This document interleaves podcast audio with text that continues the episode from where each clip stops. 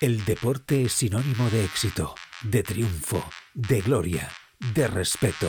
Los deportistas, atletas, jugadores, entrenadores son referentes, aclamados en todo el mundo y también son víctimas. Tribuna Marca con Joan Prats y el podcast Crímenes Ibéricos de Apcas.com presentan Crímenes Deportivos, el podcast que te narra las muertes y asesinatos de deportistas de todos los tiempos. Escucha Crímenes Deportivos en tu plataforma preferida de podcasting.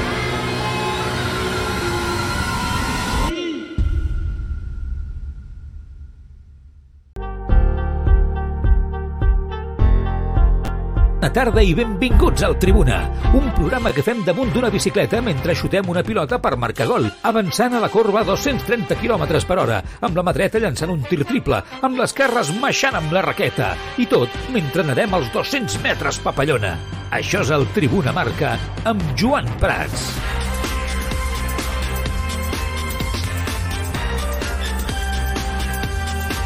Què tal, com esteu? Molt bona tarda. Benvinguts un dia més al Tribuna Marca. Passen les hores i Espanya comença a pair el mal tràngol d'ahir davant del Japó i els minuts eliminada davant de Costa Rica. El dia després, el vestidor respira confiança en les seves possibilitats i asseguren seguim vius. Amb un to de positivisme, Espanya va aconseguir la classificació de forma agònica i sense que ningú esperés que davant Japó es compliqués una classificació gairebé tancada davant de Costa Rica i Alemanya prèviament. Els eh, pals rebuts eh, ahir passen factura, sobretot per la imatge de l'equip, sense actitud destrossat pels dos gols dels japonesos, depenent del que fes Alemanya, sense poder fer res perquè els germànics es classifiquessin. El cos tècnic ha mostrat preocupació interna el dia després perquè l'equip sense por, que deia Luis Enrique, ahir va entrar en pànic a la primera adversitat seriosa en aquest Mundial. La primera reacció de Luis Enrique al vestidor ha estat la meitat de les seleccions estan pitjor que nosaltres. El seleccionador creu que els veterans Jordi Alba, Busquets, Coque o Morata ara han de donar un pas endavant per guiar un grup jove que no s'ha vist en una situació semblant, en una situació de màxima pressió com aquesta. Luis Enrique ha dit als seus jugadors que és moment per demostrar el gran talent que tenen i derrotar el Marroc. Això sí, Lucho ahir ja va deixar clar als seus jugadors que no vol tornar a veure la relaxació que va veure ahir davant el Japó. En parlarem, sens dubte, en aquesta hora de ràdio. Hem de parlar del partit d'ahir, de com ho vam viure, de com vam vibrar, de com ens vam preocupar per aquesta possible eliminació sense cap mena de dubte d'Espanya. De, va haver uns quants minuts que Espanya estava eliminada, encara que semblés, i encara em sembla a mi, encara surrealista, quan estic dient en veu alta aquí a aquestes hores de, de la tarda. El Mundial actiu, pràcticament estan ja tots els creuaments de, definits. Els últims, aquesta mateixa tarda, el grup H, Ghana ha perdut 0-2 davant Uruguai, ha fet la feina, però la sorpresa ha saltat a l'altre partit, perquè Corea del Sud ha guanyat 2-1 a Portugal. Què vol dir això? Doncs que Uruguai s'ha anat al carrer que Portugal passa com a primera de grup amb 6 punts, ja estava classificada. Corea del Sud passa com a segona amb 4 punts, més gols, a diferència de gols respecte a Uruguai, 4 punts Uruguai, Luis Suárez i companyia al carrer, també Ronald Araujo, que no ha jugat ni un minut, a Can Barça respiren eh, tranquils, i Ghana eliminada quarta amb eh, tres, eh, amb tres puntets. Queda per decidir encara els partits que es disputen del grup eh, G aquesta mateixa tarda, a partir de les 8, quan acabi el Tribuna Marca, el Camerún-Brasil i el Sèrbia-Suïssa, eh, que també queden encara places per decidir. Això vol dir que, bueno, que tenim ja pràcticament com diem, el, el quadre de, definit, amb el Països Baixos davant d'Estats Units, Argentina, Austràlia, per aquella banda del quadre també Japó davant de Croàcia, Corea del Sud espera rival, seria el primer del, del G, possiblement en aquest sentit sigui el Brasil, Anglaterra, Senegal, França davant de Polònia, Marroc, Espanya i Portugal davant del segon del, del G, que insisteixo, cal veure a veure qui, qui acabarà sent. De moment ho és Suïssa, que té 3 punts pels 6 de, de Brasil. Veurem si Camerún i Sèrbia, que tenen opcions allà, doncs aconsegueixen doblegar. Hem de parlar de moltes coses avui, eh? més enllà d'escoltar Luis Enrique, del Mundial, hem d'escoltar hem de parlar i ens hem d'escoltar nosaltres, però vosaltres sobretot heu, ens heu d'escoltar nosaltres, eh? perquè hem de parlar de moltes eh, coses, un tema farragós, aquest de el fill de Joan Laporta, representant de futbolistes, aquestes informacions del Confidencial, ahir la cadena Ser es feia ressò, també. Recordeu que aquí ho va avançar fa un any el Quique Guas, en aquell moment va tenir poc ressò, l'entorn del Barça no estava per això, i, i es va dir que, bueno, que el fill de Joan Laporta estava sent, en aquest sentit, eh, representant, que havia creat una empresa de representació de futbolistes. Algunes informacions diuen que a través d'aquesta empresa, amb Raúl Verdú com a soci, havien tingut intermediació en el fitxatge de Marcos Alonso. A mi em sembla que si tot això es confirma és un escàndol absolut, com venim manifestant en aquest programa des de, des de fa uns dies en base a quan aquest tema s'ha tornat a posar a sobre de la taula, insisteixo, en base a aquesta, a aquesta informació del Confidencial, i ha comunicat de l'àrea de compliance del Barça sobre aquest tema. Per tant, el club per primer cop es manifesta. Compte perquè tenim tenim Sarau. I anem a saludar el Martruco, que ja m'escolta, i molts més temes eh, que tinc sobre la taula. A veure si ho puc encabir tot en una hora de, de ràdio. Truco, què tal? Com estàs? Bona tarda. Hola, què tal? Bona tarda. Bé, bé, bé. bé. Millor que la selecció i millor que, no sé, que la família la porta ara mateix, que deu estar Ah. amb el culet apretadet, no ho sé, o no. Igual no, no sé. Bueno, en directe a través de Radio Marca Barcelona, a través de radiomarcabarcelona.com. Recordeu que teniu també l'aplicació mòbil de Radio Marca Barcelona per escoltar-nos, que també teniu els podcasts a les plataformes, a Spotify, iVoox, Apple Podcast i companyia, que estem en directe a través del Twitch, ens podeu veure també, podeu participar a través del xat, twitch.tv barra el Tribuna, veig el Togrom i l'Andrés, el Ramon, que van saludant i van arribant també al xat, teniu el canal de YouTube també, teniu el TikTok, Tribuna Marca, i tenim també el eh, Tribuna Barça, que és el grup de Telegram. Eh? Tenim un circ amb, amb unes girafes i, i, i, i uns osos polares. El bazar, compra lo que quieras.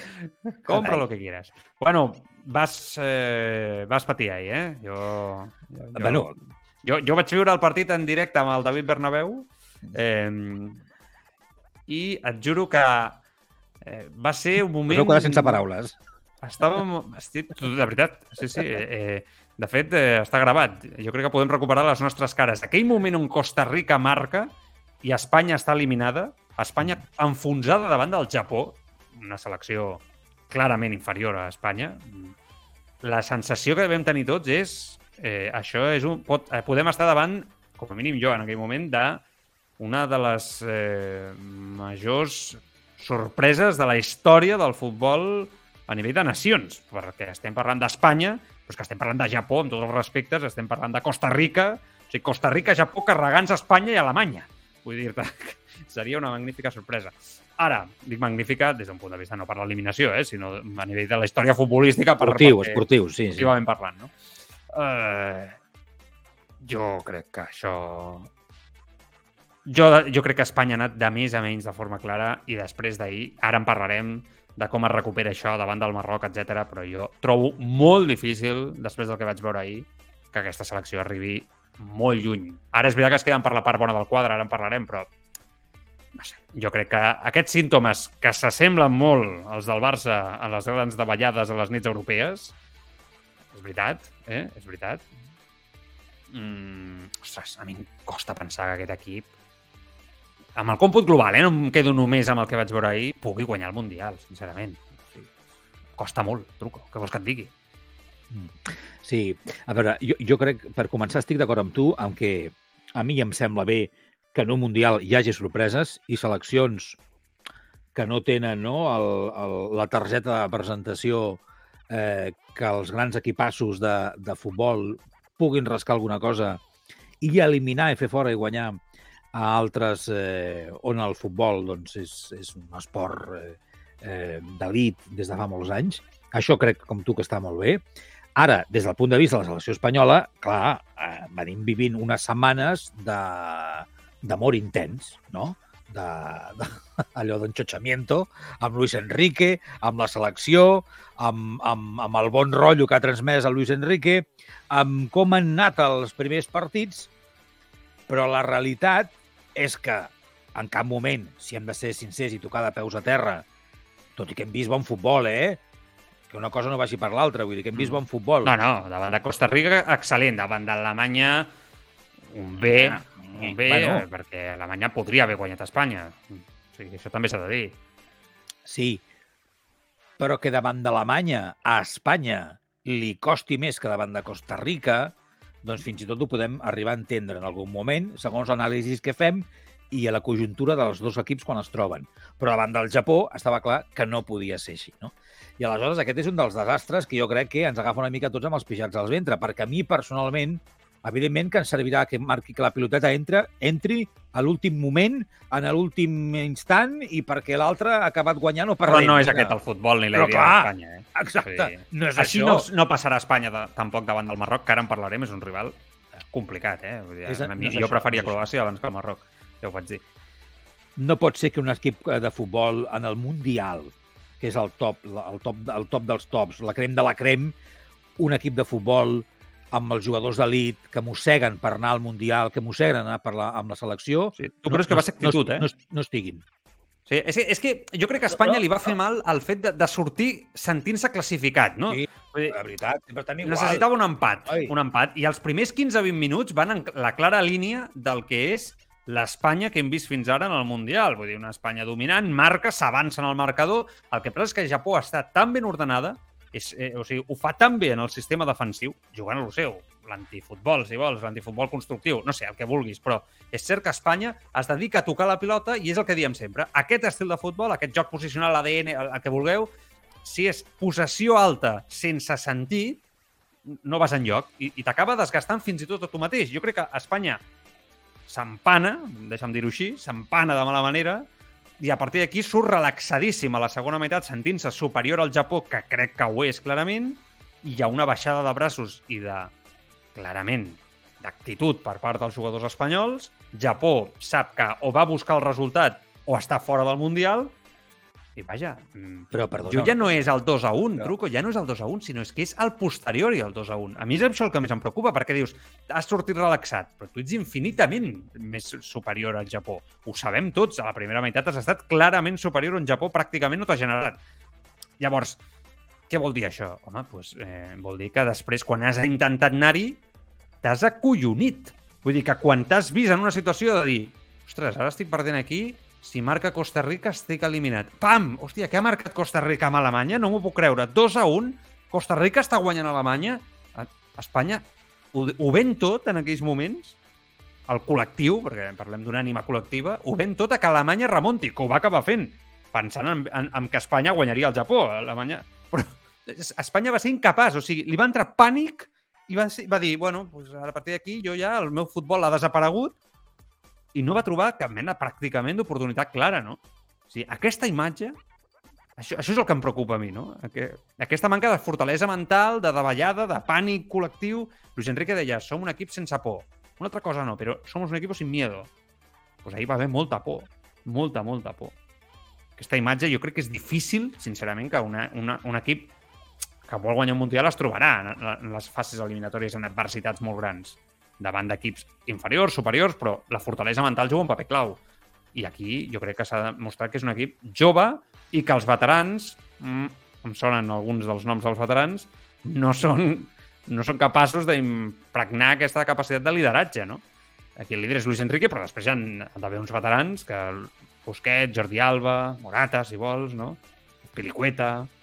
Pues que aquests han de saber que hi ha l'equip tan jove en aquests moments, crec, vaja. És que jo, està clar que és un tema d'actitud perquè tots sabem que l'equip té talent, que té qualitat, que té tècnica. Sí, Espanya és bona, però no és fer- millor que altres seleccions. O sigui, el Bueno. millor d'Espanya és el Ah. bloc. Si el bloc se't cau, com Sí. se't va caure ahir, Espanya és una selecció que pot perdre davant de qualsevol. Però això és el que no entenc. És a dir, si, si hi ha qualitat, se sap jugar a futbol, per què et fas petit davant de Japó? És el que no entenc. Però és la, mateix, és la mateixa pregunta que li puc traslladar al Futbol Club Barcelona quan a vegades, en segons Ah, quins partits eh, i segons... Però és diferent una mica. S'assembla... Ja sé què vols dir. eh? S'assembla, però és diferent. Jo, jo, jo crec que ahir... Ja, ja sé que no és el mateix, però és que no, no, són coses que no les entenc. No les no, o sigui, em ja, ja, jo no sóc jugador de futbol, eh? Però, Bueno. però, però costa molt. Vull dir, no són vull dir, robots. Però, ja, els hòstia, però... futbolistes són persones i a vegades sí, les home. persones quan reben cops no saben com reaccionar. Jo crec que els jugadors d'ahir ni, al seu cap ni, ni contemplava que aquesta opció que Costa Rica estigués guanyant a Alemanya i Japó guanyés 2 a 1 a Espanya estigués a sobre de la mira, taula. Jo crec que ni però- es contemplava. Mira, jo, jo amb un 1 a 0, jo em puc creure que tinc el partit fet, però no un professional. Ja, és una manca de professionalitat. vols dir. Clar, tu l'has fotut tres gols, val, entenc que mínimament et relaxis i vagis allà passejant pel camp i passant-te la pilota, eh, però si li has fotut 3 o 4, si has sentenciat el partit, si tens marge per si passen coses de poder superar el, tr el tràngol. Però no anant justet. Però és que aquest discurs el feia el tècnic en roda de premsa. Quan li van preguntar pel tema de l'especulació, que va dir que no, que no, perquè després passa el que passa, no? I a l'últim minut, l'últim segon, no sé qui fa un gol, pum, i t'han eliminat. Bueno, és que jo això m'ho crec. Ara en parlarem d'aquest tema, no t'avancis, ara en parlarem. Eh, bueno, a tot això, aquesta psicosis que va viure aquest país ahir, no? Eh, al voltant de les 9 i poc de la nit, no? Quan va haver aquest moment on Espanya estava, no vaig mirar l'hora, però més o menys, eh, exacte, eh, més o menys era això, eh, quan Espanya estava eliminada del Mundial. Doncs aquell moment on tothom estava patint, fins i tot els propis jugadors que estaven a la banda, no, escalfant, donant indicacions als jugadors i dir-li 2 a 1, Costa Rica, estem fora, no? Els, els jugadors que, mira, bueno, les imatges les he vist avui aquest migdia, són, vaja, la cara de Pedri és un poema. O sigui, la cara de Pedri, quan mira cap al cantó, crec que és, és Coque, crec, no? Crec que li diu, li diu, no, 2 a 1, i Pedri diu, no me lo creo, o sigui, no m'ho puc creure, o sigui, tal. Bueno, a tot això hi havia una persona al món que no s'havia enterat que Espanya estava fora. És Luis Enrique. Una foto que debe estar trucada. O manipulada. Me la... Era que aquest no és el tall. No és aquest tall, l'altre. Minutos eliminada, ¿por qué? No, yo, yo, no estoy pendiente del otro partido. Yo solo estoy centrado en mi partido. ¿Hemos estado eliminados en algún momento? ¿Así? ¿Cuándo qué?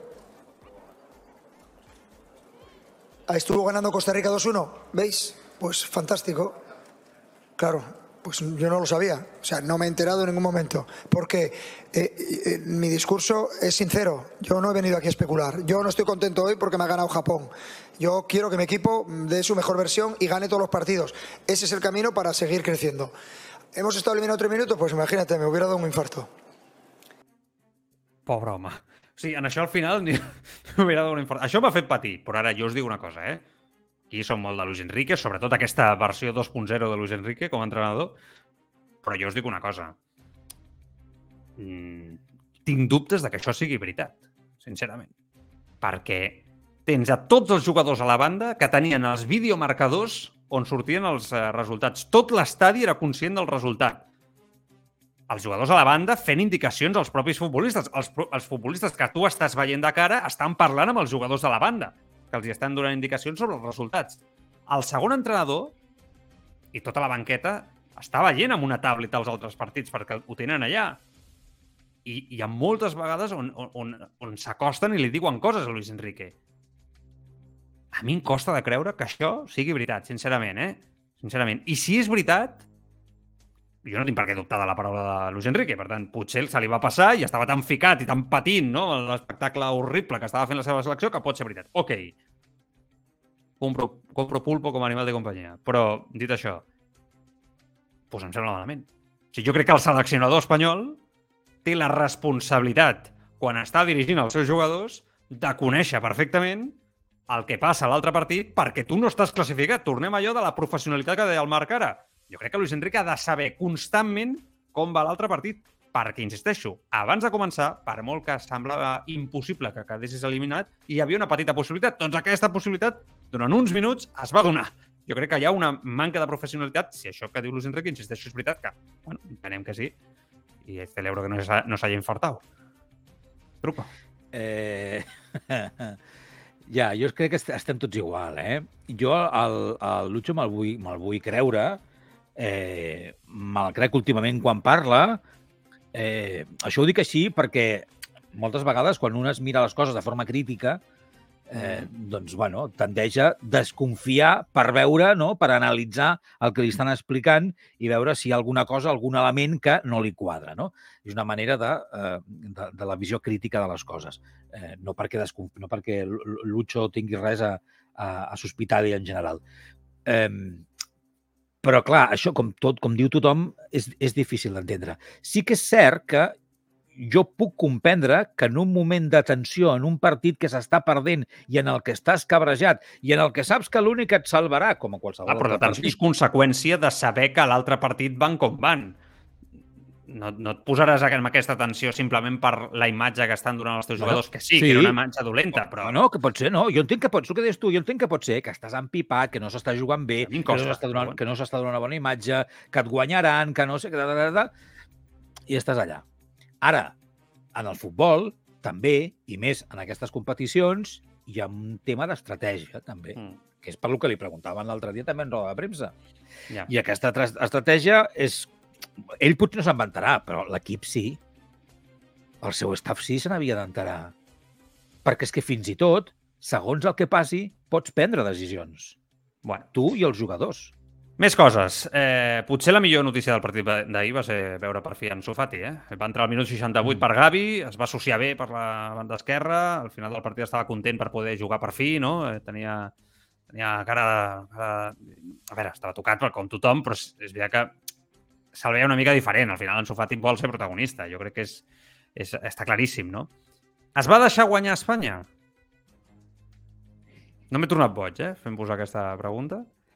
Aquesta és la pregunta que es fan molts alemanys que afirmen que Espanya va especular per anar per la part fàcil del quadre. A més, Hugo, Cha Hugo Sánchez, el mític davanter, mexicà, va dir a l'ESPN que creu que Luis Enrique va enviar un missatge als seus jugadors d'aixecar el peu a la segona meitat per evitar a Brasil als quarts de final.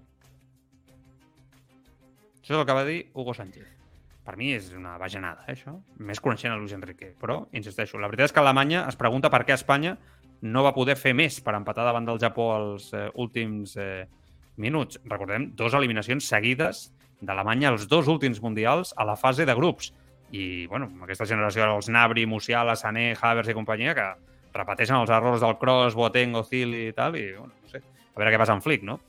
Eh, situació complicada per a Alemanya i, aquest, i aquesta pregunta, que hi ha qui la pensa, que jo, de veritat, coneixent a Luis Enrique, és que ni se'n passa pel cap, però hi ha qui pensa que, que sí, que li ha...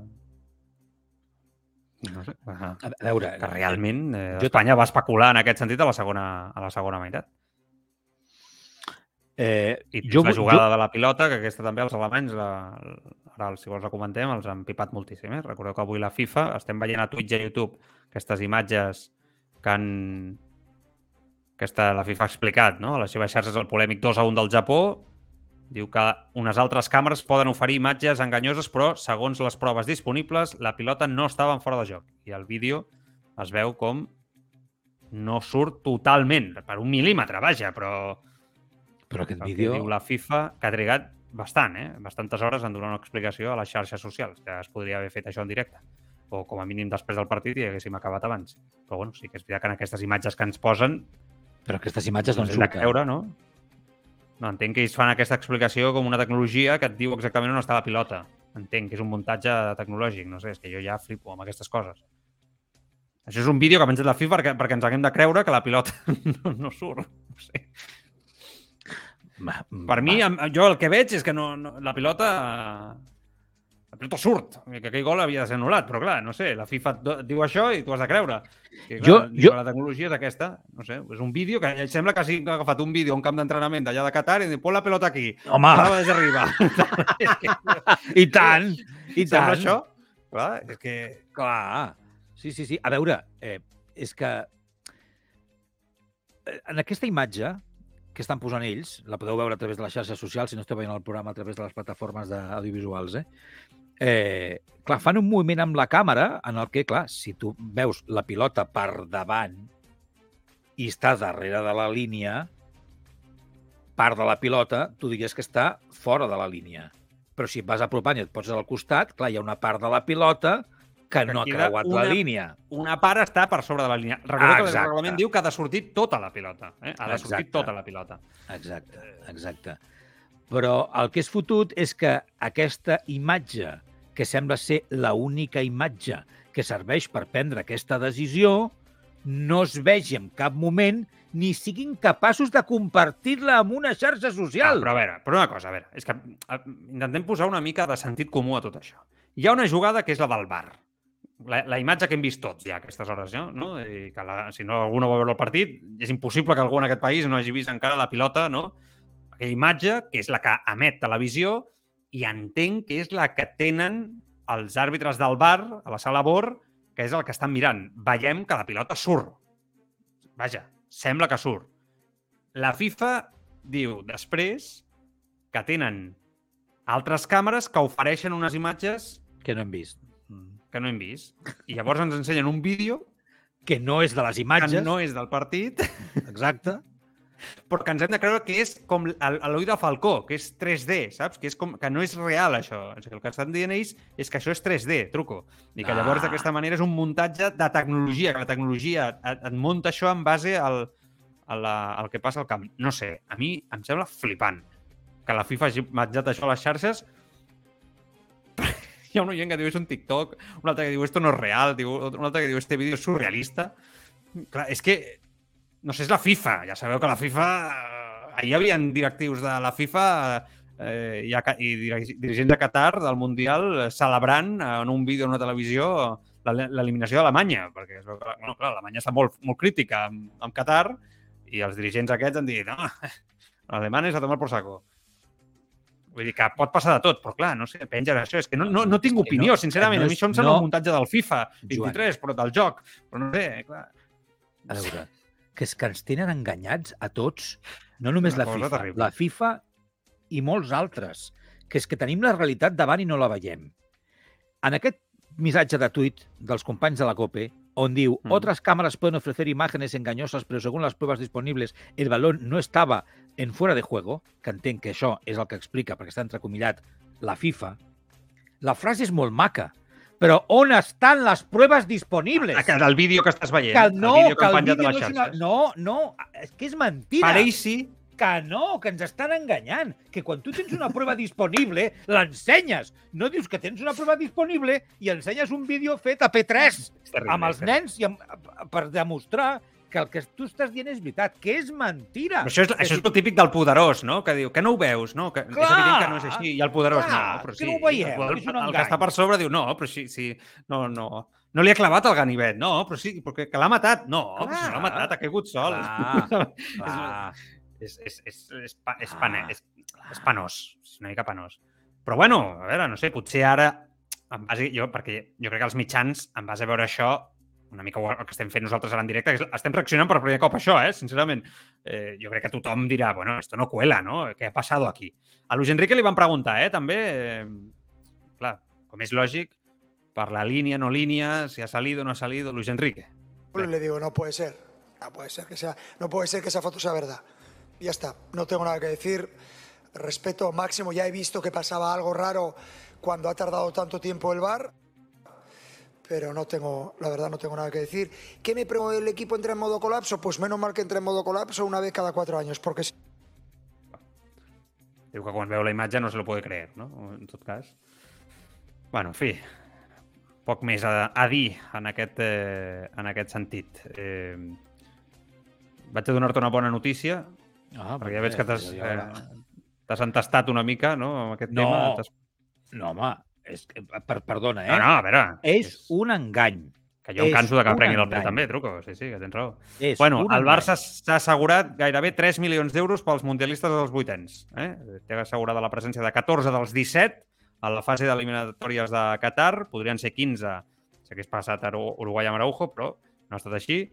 Eh, per tant, el, els dinerets no? que va pagant les federacions, la FIFA, per eh, la participació, per la sessió dels futbolistes als Mundials, Eurocopes, doncs, bueno, 3 milions d'euros, que tal com estan les coses, se celebren en cava. Eh, en, en, en aquest... No, home, no. I més ara. I més ara. totalment, totalment. Bueno, en fi, el, el que dèiem. Eh, anem a parlar del Barça. Anem a llegir missatges, que hi ha un fotimer, i després parlem del Barça, del tema del fill de Joan Laporta, de representació i tot plegat. A veure si arribem a, a tenir-ho tot, perquè em sembla... Mira, no, anem, anem per parts, anem per Vinga, parts, perquè se'ns està complicant el programa. A veure, a veure... Ordenem el tema, ordenem el tema, eh, perquè si no serà, serà impossible, això. Eh, notícia de fa una estona, eh, que he estat llegint al diari, al diari Sport, eh, els Mossos d'Esquadra es preparen pel duel entre Espanya i el Marroc. Més enllà de que futbolísticament el Marroc és una selecció mm, difícil, la pilota aturada, per exemple, és molt superior a Espanya i és una selecció rocosa, i més enllà de que geopolíticament estic convençut que molta gent molts polítics no els ha agradat pel moment que viuen les dues eh, nacions. La noticia del Sport diu la policía catalana tiene muy presente los incidentes en Bélgica después del triunfo marroquí en la fase de grupos. Preparan un dispositivo que contará con mayor presencia de equipos de orden público en puntos que pueden ser considerados calientes. És la, Mm, calientes. la notícia. Eh, recordeu el que va passar a Brussel·les després d'aquell partit, eh, bueno, disturbis eh, de la comunitat eh, marroquí en aquest sentit, de mala manera, ho estem veient ara mateix a través de, del Twitch i del YouTube del Tribuna Marca, eh, en imatges del, del país, eh, que va penjar aquest vídeo a les xarxes resumint una miqueta la celebració dels joves d'aquesta comunitat del Marroc allà i, i bueno, una mica el que pot arribar a passar. Ho dic perquè eh, s'està preparant la policia, però eh, poca broma eh, amb el tema, poca broma perquè mm, avui llegia que la comunitat eh, marroquí, que no té per què, evidentment, fer això. O sigui, és- l'altre debat que vull parlar amb el truco ara, que és un tema interessant, no? Però ar- arriba a 800.000 persones, he llegit aquest matí a la, a la premsa nacional, i, bueno, està clar que si això ha passat a Brussel·les, pot passar a Espanya, no?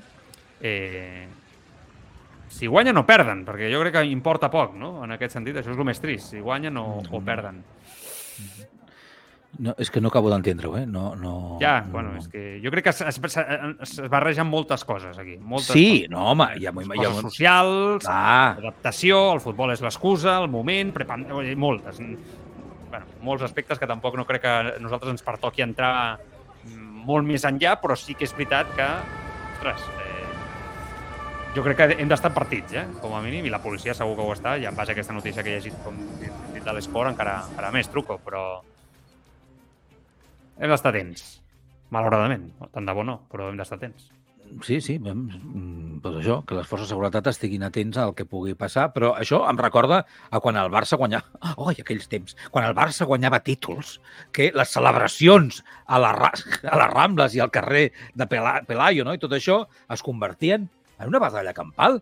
És a dir, que no podies anar tranquil·lament a celebrar una victòria, no? una, una, un títol del, del teu equip de futbol perquè es liava parda. Hi havia una part, un col·lectiu, entenc que de gent jove, aixelebrada, que el que aprofitaven era la concentració per anar a enfrontar-se amb la policia, tirar-li coses a la policia, trencar aparadors, robar, trencar cotxes, trencar motos... I... No, o sigui, no, no. Sigui, No entenc allò i no entenc això. Has guanyat, surt a celebrar-ho, fes una festa, una ballaruca, uns drinquins, però cremar un cotxe... Aquest noi que sortia, amb la bandera, amb les imatges, fent-se una foto davant del cotxe cremat, està, té un retras mental. És a dir, no estàs bé del cap quan per celebrar una victòria futbol... esportiva, esportiva. Vull dir, tu no has anat ni a jugar. Que dius, no, és que jo he sigut el que he marcat el gol. Hòstia, estàs que lo flipes. Però no has anat tu ni a jugar. Et fas una foto amb un cotxe cremat, que és la propietat privada d'una altra persona? Estàs cremant el col·le... perquè, a més a més, al mig del carrer, que és una cosa col·lectiva de tots, que ens costa diners a tots, a tota la societat, i que són coses que... Sí, sí, buscant no- la confrontació amb policies, no? La... Sí, sí, no, està, no, està clar. no. Pel futbol, eh? Jo dic que la gent perquè necessita menjar o necessita els drets mínims i no sé què, no, no, no, no, no, no la liï parda, perquè, clar, s'ha de viure, no? Però per una celebració esportiva, que no ho entenc. Entenc. Sí, el que passa és que, bueno, eh, la marroquí és una de les comunitats immigrants més grans de d'Europa, no? Segurament. Bueno, però segur que no estaven tots els marroquins allà. eh, No, no, no, no, clar, eh, se- segur. A Bèlgica és veritat que em sembla que és eh, mig milió, no? També, és una barbaritat, no? Em sembla que Espanya és, em diria que és més, eh, pel que he estat llegint eh, avui.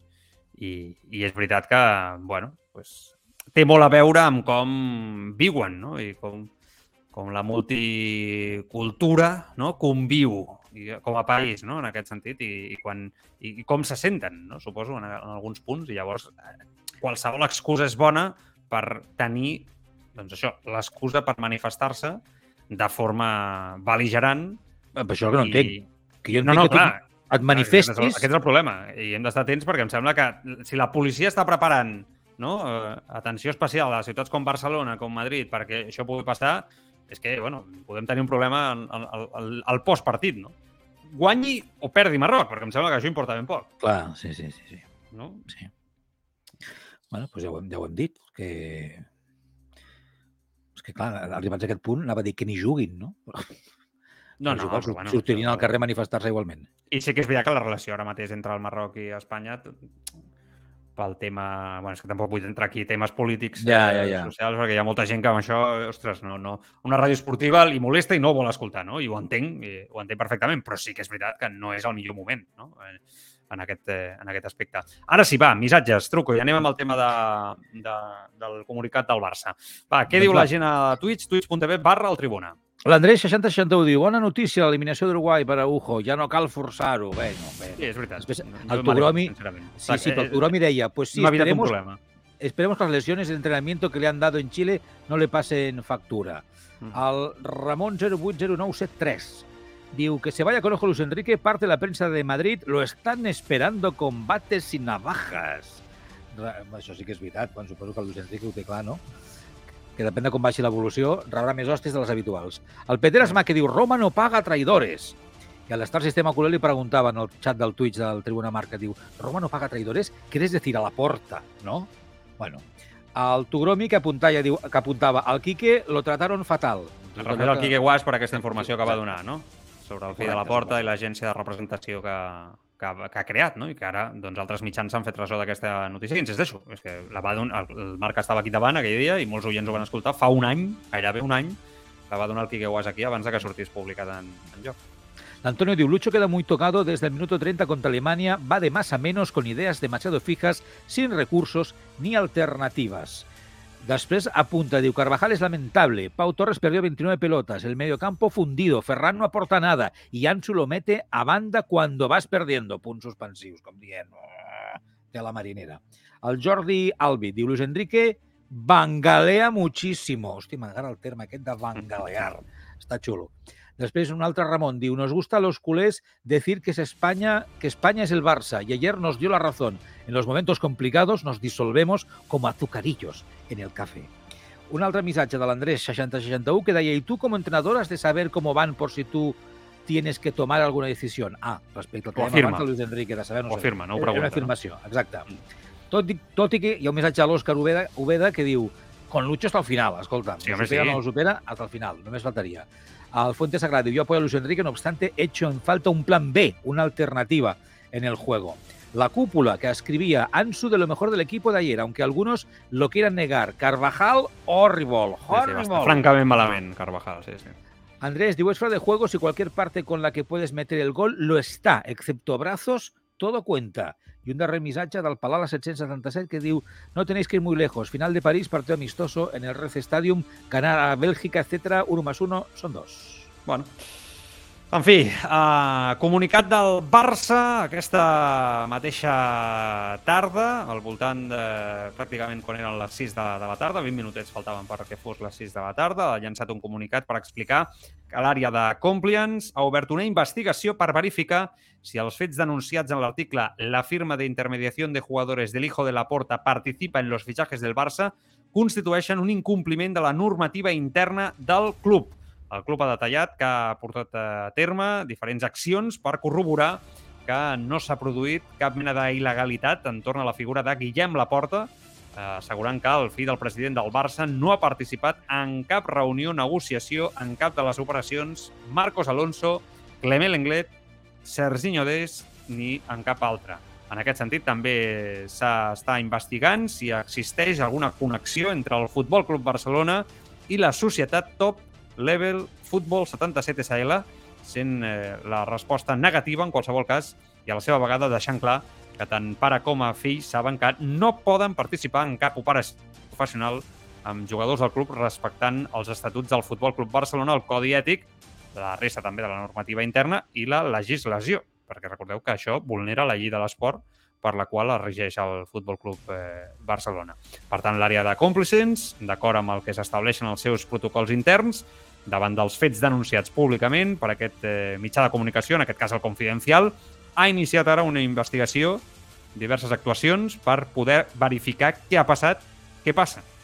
I ara veurem què diuen, no? Eh, mm, veurem Si en aquest sentit eh, hi ha alguna cosa més o no, és veritat que també s'afirma que en el marc de les actuacions realitzades que s'han realitzat a, en una sèrie d'entrevistes, tant amb les persones afectades com d'altres membres de les àrees del, de futbol i finances, del conjunt d'aquestes reunions, de moment s'ha pogut constatar que en cap cas el senyor Guillem Laporta ha participat en les operacions d'intermediació pels traspassos o sessions relatives a les operacions Alonso, Lenglet i Des. En aquest sentit, el director de futbol, Mateu Alemany, manifesta que el senyor Guillem Laporta mai ha participat en cap reunió o negociació en cap de les operacions Alonso, Lenglet d'Es ni en cap altra i que els responsables i treballadors de l'àrea coneixen clarament la normativa interna del club, així com la legislació vigent en matèria de conflicte d'interessos. Paral·lelament, des de l'àrea de Complins s'ha efectuat també accions concretes per verificar si ha existit aquest, aquesta vinculació, com estem dient, entre Top Level Football i el Barça. Recordeu que Top Level Football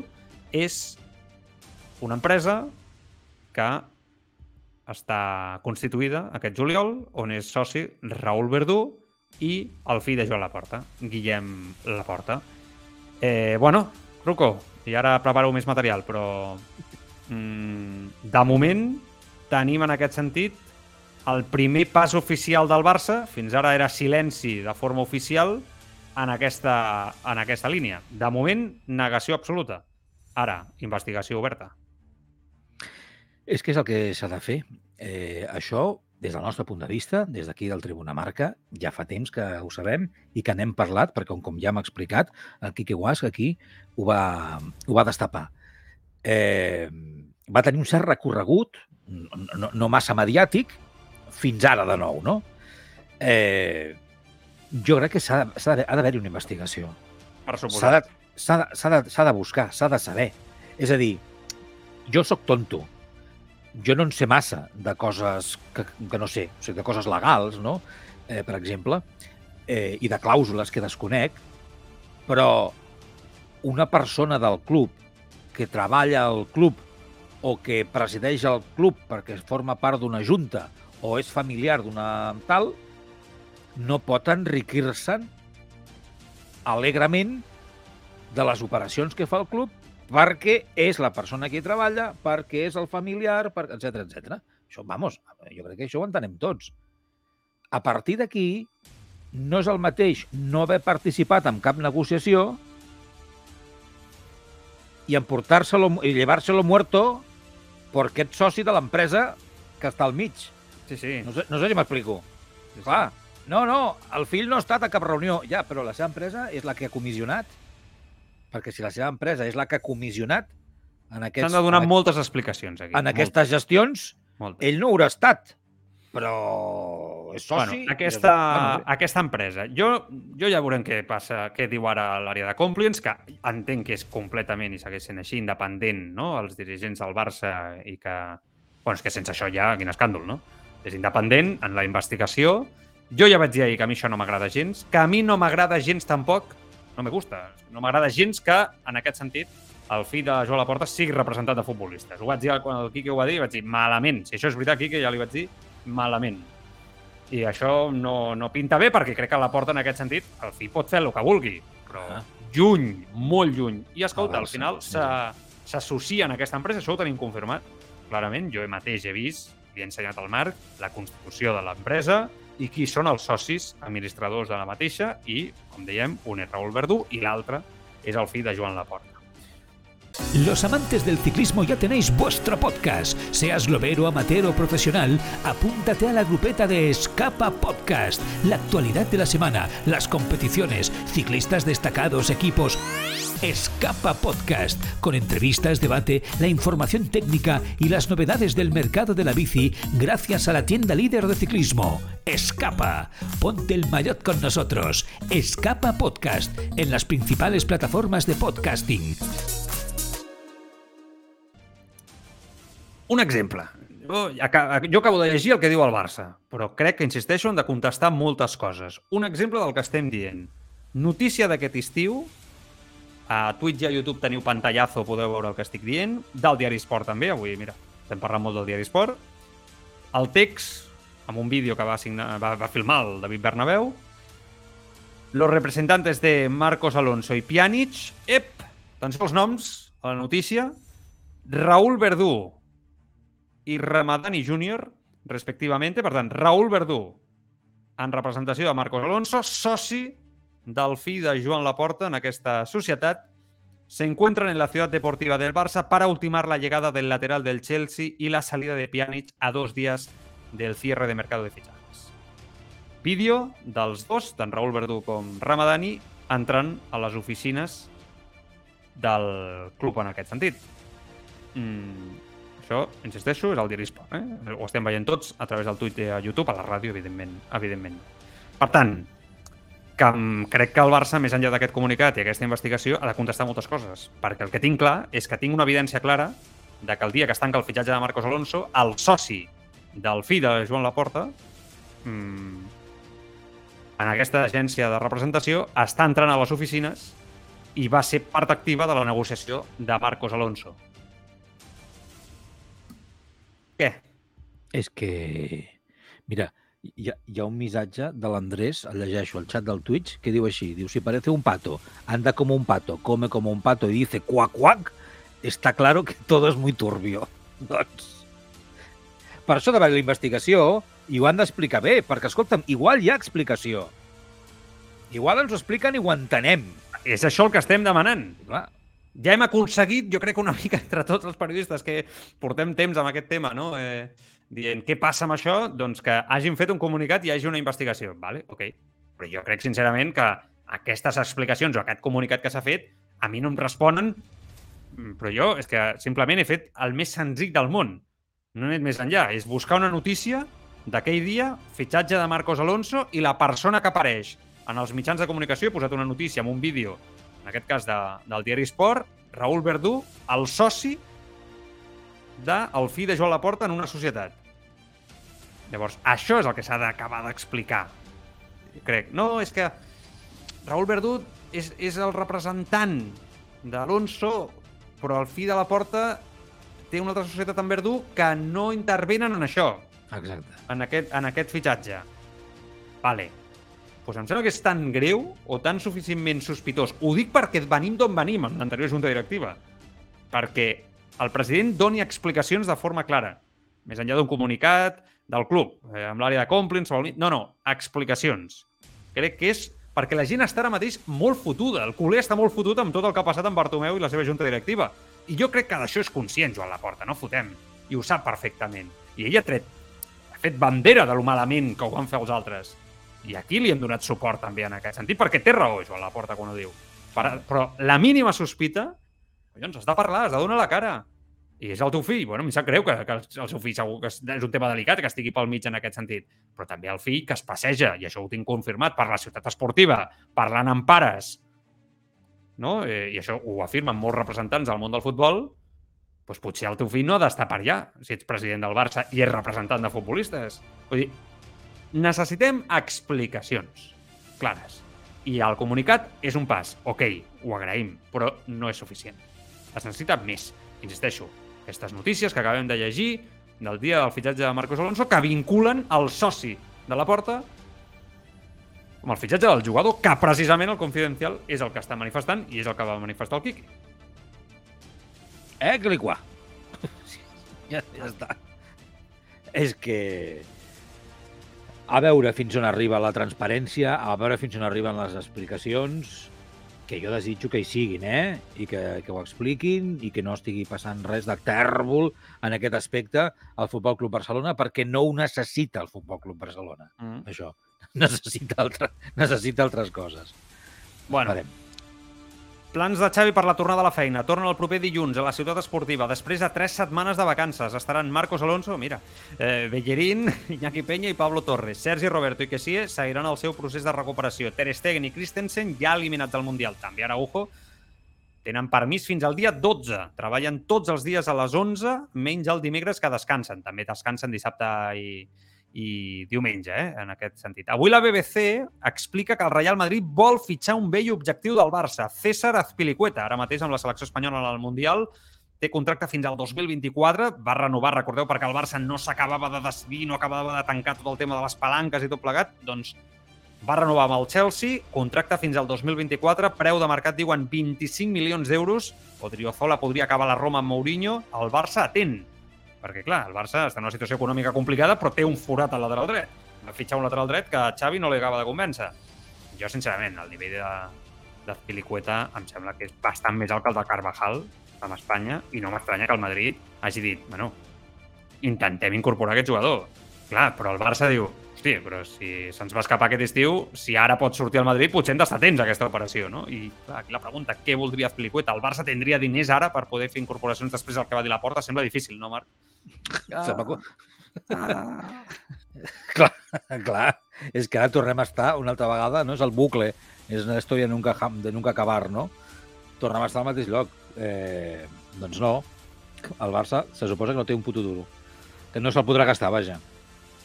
Sembla que no, eh? O sigui, seria, seria una, un cop dur en aquest sentit amb una mala planificació per part del Barça en aquesta posició, no? En el moment de que deixa el fitxatge d'Azpilicueta pel final de l'estiu i prioritza altres posicions quan el lateral dret porta sent una prioritat des de fa molt de temps. Jo és l'únic paró que li poso a l'estratègia de fitxatges, perquè després hi ha un nom que et pot agradar més, menys, no, etc, però hi ha una aposta, no? Però amb la gestió del tema dels Pelicueta jo crec que es van equivocar, no? I, I ho hem pagat, ho hem pagat, de fet, en aquest inici de temporada, amb les mancances que ha trobat el, el lateral dret del, del Barça, no?, en aquest, eh, en aquest aspecte.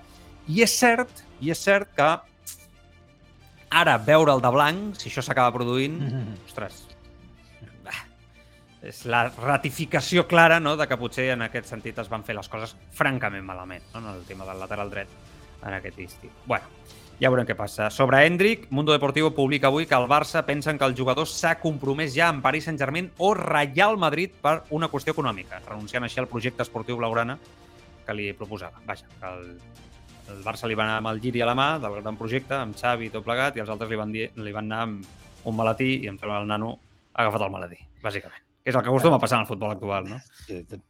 No, vull dir, tampoc seria la gran novetat ni la gran sorpresa, eh?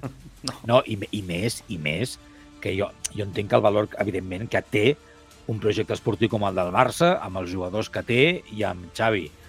Però, en construcció, digue-li en construcció barra en entredit per a alguns, no? perquè encara té molta feina per fer, i davant d'això i del malatí, com dius tu, doncs hi ha aquí, escolta'm.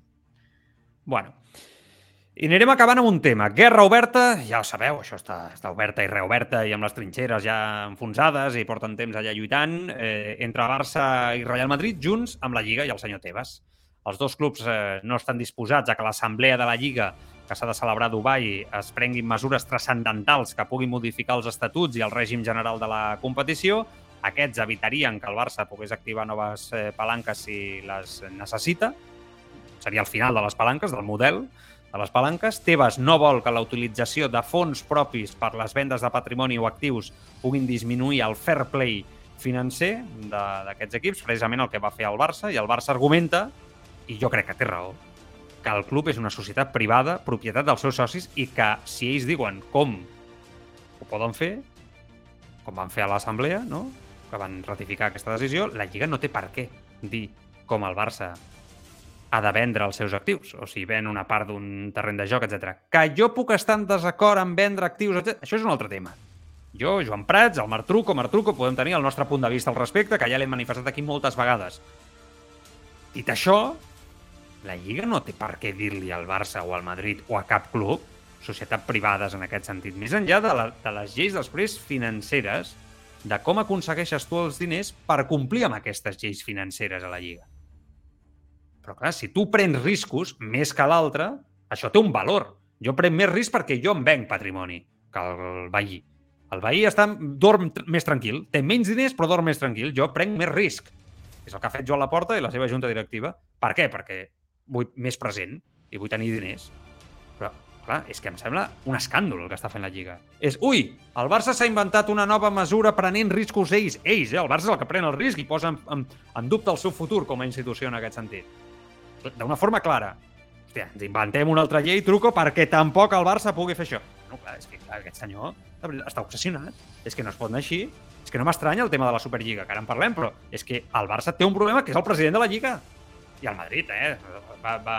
Aquest senyor està obsessionat amb aquests dos equips, perquè des que va igualar el vot, ja sabeu, doncs, clar, ell té a favor a tots els altres equips que va, i li donen el vot perquè va en contra de Barça i Madrid, clar. Guanya la majoria i, i està fent la vida impossible. Però especialment el Barça. Jo entenc que el Barça estigui fins als ous. Deixa'm dir-ho així. El president i tots els directius. Més enllà, insisteixo, de que puguem nosaltres després tenir una opinió sobre si estem d'acord o no amb el tema de que aquesta operació sigui el millor. Una llei anti-Barça. Truco. Eh, mm, vaig a buscar a la meroteca coses que ja he dit. És que aquest senyor, com has dit tu, li té jurada al Futbol Club Barcelona. De tota la vida. Ara l'escoltarem, no... eh? Tebas, que ha parlat avui, eh? Ara l'escoltarem. que disfraça'l del que vulguis, que tingui un mal dia, que tingui un bon dia, que s'expliqui millor, que s'expliqui pitjor, que l'agafin amb un... Eh, eh, sortint d'una reunió al ànsia mig de del poder, carrer. Marc. Vol decidir fins i tot sobre com gestionar els clubs. És que aquest és el problema. Aquest senyor hauria d'estar defensant els interessos de tots els clubs. I en canvi el que fa és a dos, que són els més poderosos, però perquè tenen un conflicte amb els... O sigui, hi ha un conflicte d'interessos amb els seus interessos i els interessos d'aquests clubs, però els seus, eh? no parlo de la Lliga, no, els seus personals. Aquest senyor, aquest senyor el que fa és apretar, apretar, apretar, apretar, apretar al màxim. Bueno, això és que clar, al final... Avui ha parlat. Ha parlat eh, en un acte de la Lliga, eh, ha dit coses eh, interessants, algunes d'elles no tantes. Escoltem a Superliga no va,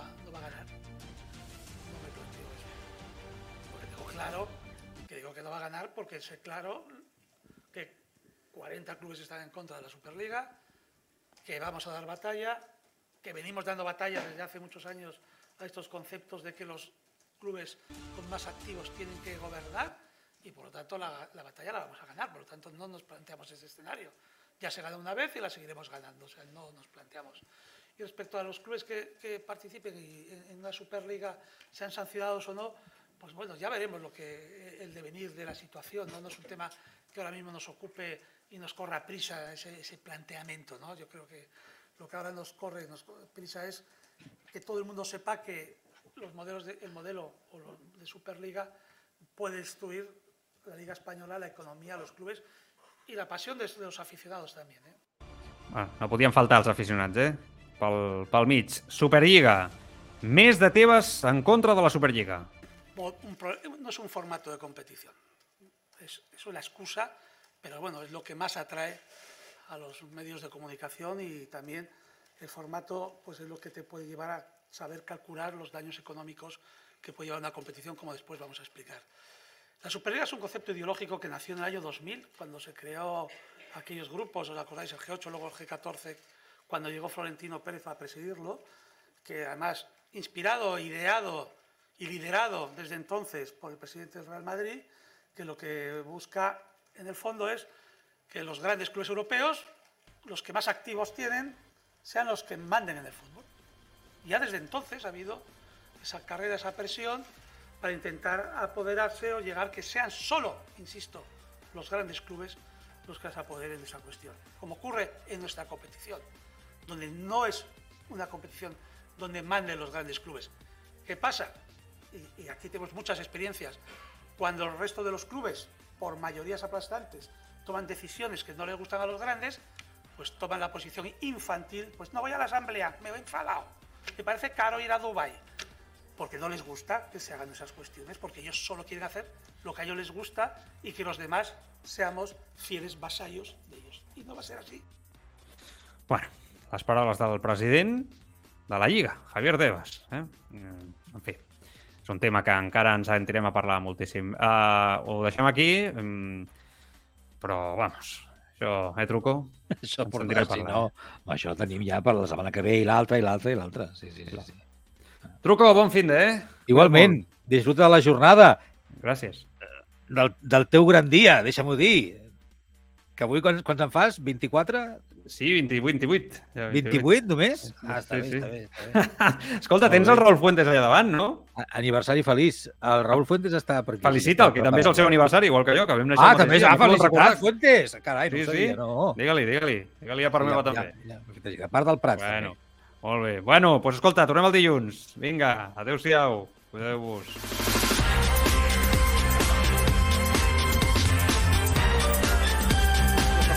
Las cosas al Real Madrid. Hoy hemos sido rápidos. El deporte está lleno de momentos épicos. de grandes rivales, partidos inolvidables, jornadas para la historia y en algunos casos, puntualmente, golpes de efecto que lo cambiaron todo. Upcast presenta un podcast repleto de personas increíbles, de grandes deportistas y de momentos, de situaciones que han pasado a los anales de la historia del deporte. Descubre Golpe de Efecto, un podcast con las grandes historias del deporte y los grandes deportistas. Golpe de Efecto, de Upcast, ya en tu plataforma de podcasting.